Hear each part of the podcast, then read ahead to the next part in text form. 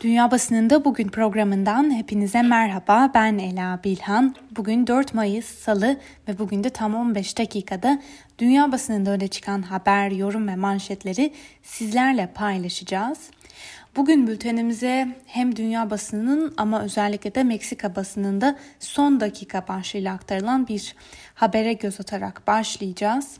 Meksiko News'un aktardığına göre dün gece Meksika'nın başkenti Meksiko'da korkunç bir kaza yaşandı.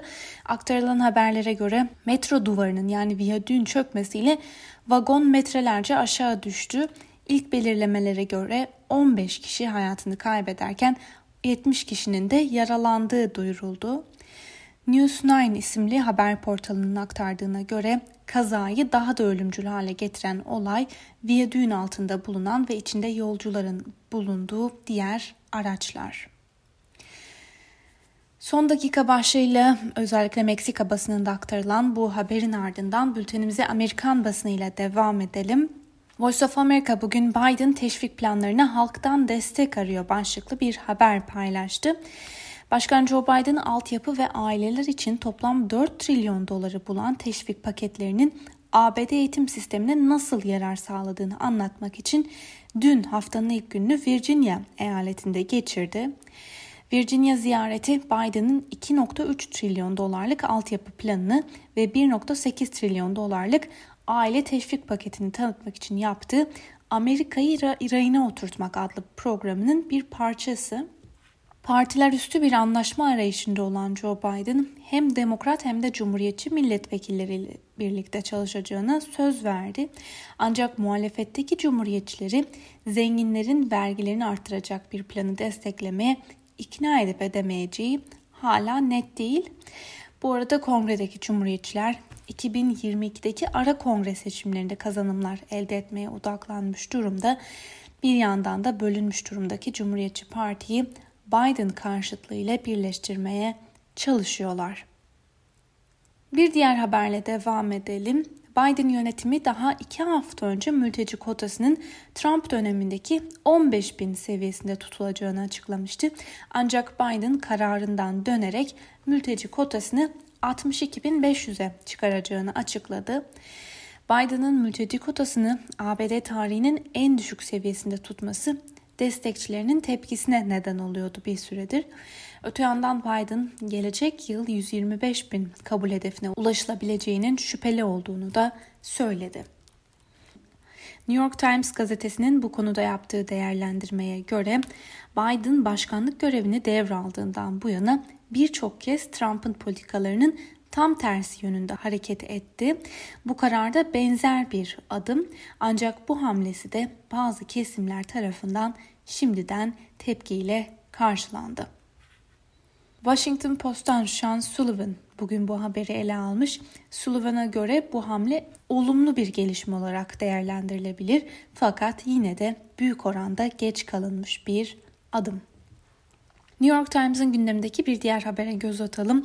Amerikan Gıda ve İlaç Dairesi Pfizer şirketinin COVID-19 aşısını gençlere kullanım izni vermeye hazırlanıyor. Buna göre yakın gelecekte 12 ila 15 yaş aralığındaki çocukların da bu aşıyı olabilecekleri belirtiliyor ki bu da milyonları kapsayan yeni bir aşı operasyonunun önünün açılacağı anlamına geliyor. Washington Post bugün aynı haberi gündemine taşımış. Şöyle diyor. Gıda ve İlaç Dairesi muhtemelen önümüzdeki hafta içinde ergenlerin de aşı olabilmesini sağlayacak şekilde aşıya onay verecekler. Çocuklarını virüsten korumak isteyen ve okula göndermekte tereddüt yaşayan aileler için bu iyi bir haber. Hatta aileler ve pediatristler özellikle bir sonraki okul yılı başlamadan önce çocuklara bir aşının sunulması için can atıyorlardı.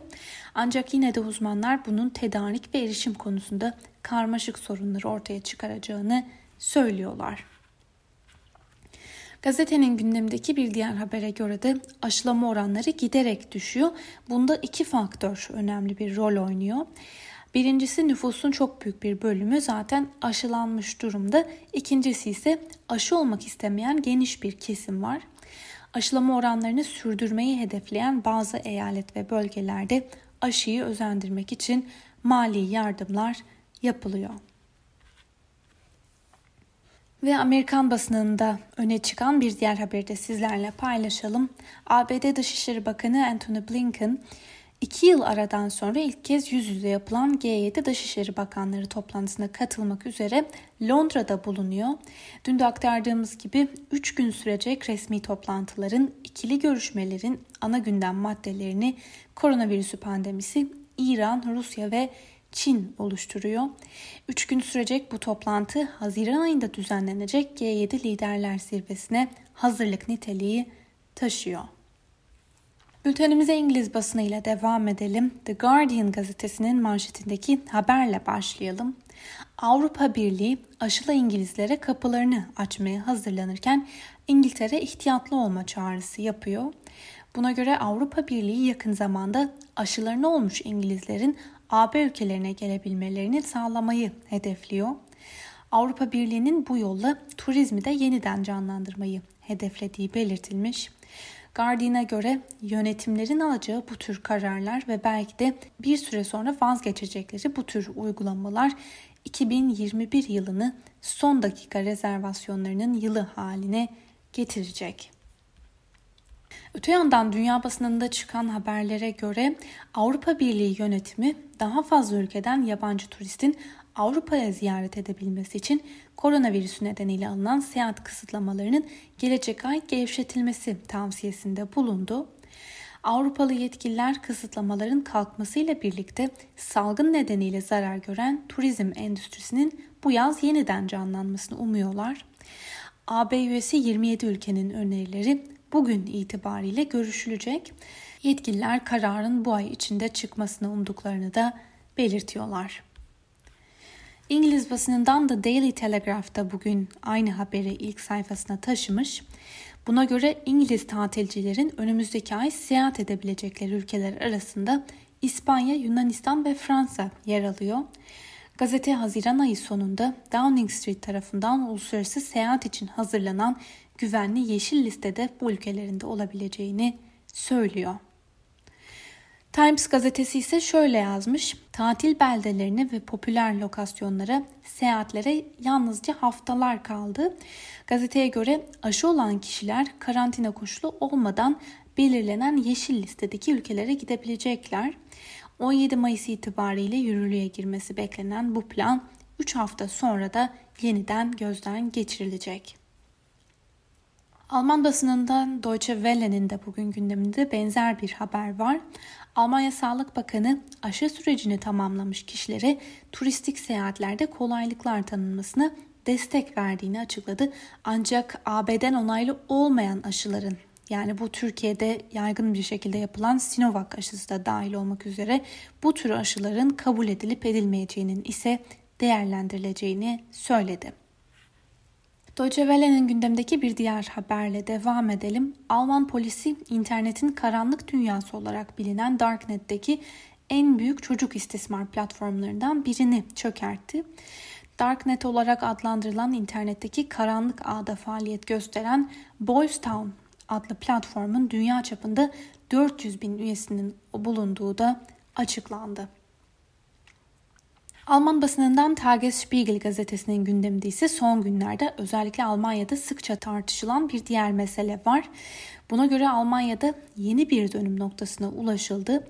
Aşılanan nüfusun giderek büyümesiyle beraber Almanya normale dönüş kapsamında aşı olanlara bazı önceliklere ve öncelikler ve kolaylıklar sağlamaya hazırlanıyor. Cumartesi günü itibariyle aşı olanlar veya COVID-19'a yakalanmış ve tedavilerini tamamlamış kişiler toplumsal hayatta daha rahat hareket edebilecekler.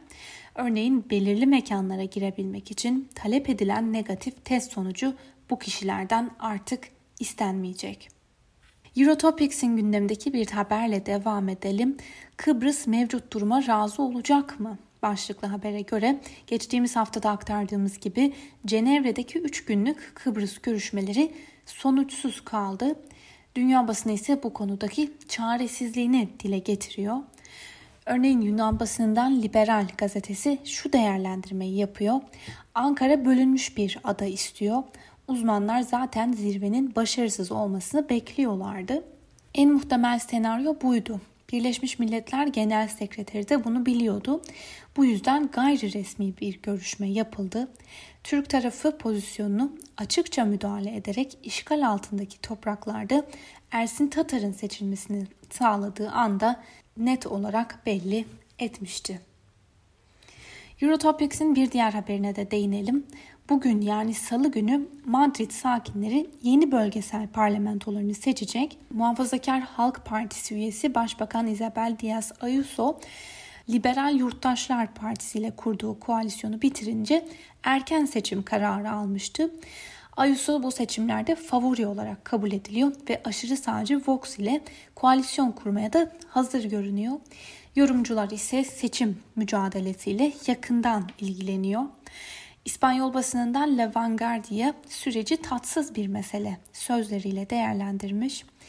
Vox'un yabancı düşmanı işlerle gündeme oturduğu ve birçok siyasetçinin ölüm tehdidi aldığı kavgacı seçim mücadelesi ülkedeki demokrasiye zarar verdi.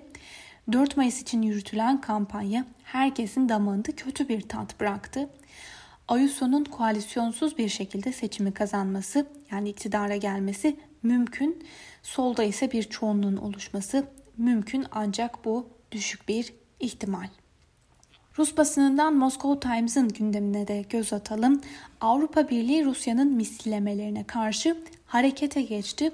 Rusya son olarak 8 Avrupa Birliği yetkilisinin ülkeye girişini yasakladı. Bunun üzerine AB Komisyonu Rusya'nın Avrupalı 8 yetkiliye giriş yasağı getirmesinin ardından Moskova'nın Avrupa Birliği daimi temsilcisini çağırarak yasağı kınama kararı aldı. Hem Mısır basınında hem de Fransız basınında öne çıkan bir diğer haberle devam edelim.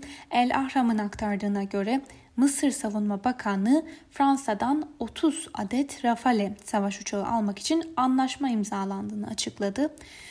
Haberi ilk olarak ortaya atan araştırmacı gazetecilik sitesi Disclose, satışın Nisan sonunda kararlaştırıldığını, bugün Mısır heyetinin Paris ziyareti sırasında imzaların atılabileceğini ve 3.75 milyar euro karşılığında satışın gerçekleştirileceğini yazmıştı.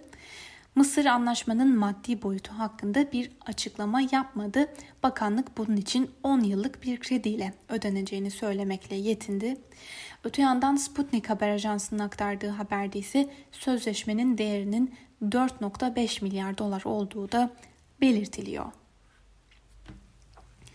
Yerusalem Post'un gündemdeki habere kısaca göz atalım. İsrail'de 23 Mart'ta yapılan erken seçimlerin ardından Cumhurbaşkanı Rivlin tarafından hükümeti kurmakla görevlendirilen Netanyahu şu ana kadar hükümeti kuracak desteği bulamadı. Netanyahu'ya koalisyonu kurması için tanınan yasal zaman bu akşam sona eriyor. Bu durumda Netanyahu'nun yaklaşık iki haftalık ek süre isteme hakkı var fakat buna da yanaşmadığı belirtiliyor. Dün son dakikada Netanyahu ilginç bir hamle yaparak sağcı bir hükümetin kurulabilmesi için Naftali Bennett'in liderliğindeki Yamina Partisi'nin desteğine ihtiyaç duyulduğunu söyleyerek bir çağrıda bulundu. Fakat bu çağrıya Naftali Bennett'in nasıl bir yanıt vereceği henüz bekleniyor. Ve son üç haberimiz Suriye Anayasa Mahkemesi 26 Mayıs'taki Cumhurbaşkanlığı seçimleri için 51 kişi arasından sadece Esad da dahil olmak üzere 3 kişinin adaylığına izin verildiğini açıkladı. Öte yandan Esad'ın seçimleri kazanmasına kesin gözüyle bakılıyor. El Cezire'nin aktardığı haber Hindistan'a dair Hindistan ana muhalefet lideri ülkedeki vaka sayılarının 20 milyonu geçmesiyle ulusal karantina çağrısı yaptı ve aksi halde virüsün hiçbir şekilde engellenemeyeceğini söyledi. Ve son olarak Çin basınından Global Times'ın gündemindeki habere göz atarak noktalayalım bugünkü programımızı. Hong Kong'un gayri safi yurt içi hasılası 2021 yılının birinci çeyreğinde %7.8 artarak yeni bir rekora imza attı. Yılın ilk çeyreğine ait böyle bir artış 3.7'lik piyasa beklentilerini önemli ölçüde aştı. Sevgili Özgürüz Radyo dinleyicileri, Global Times'tan aktardığımız bu son haberle birlikte bugünkü programımızın da sonuna geldik. Yarın aynı saatte tekrar görüşmek dileğiyle şimdilik hoşçakalın.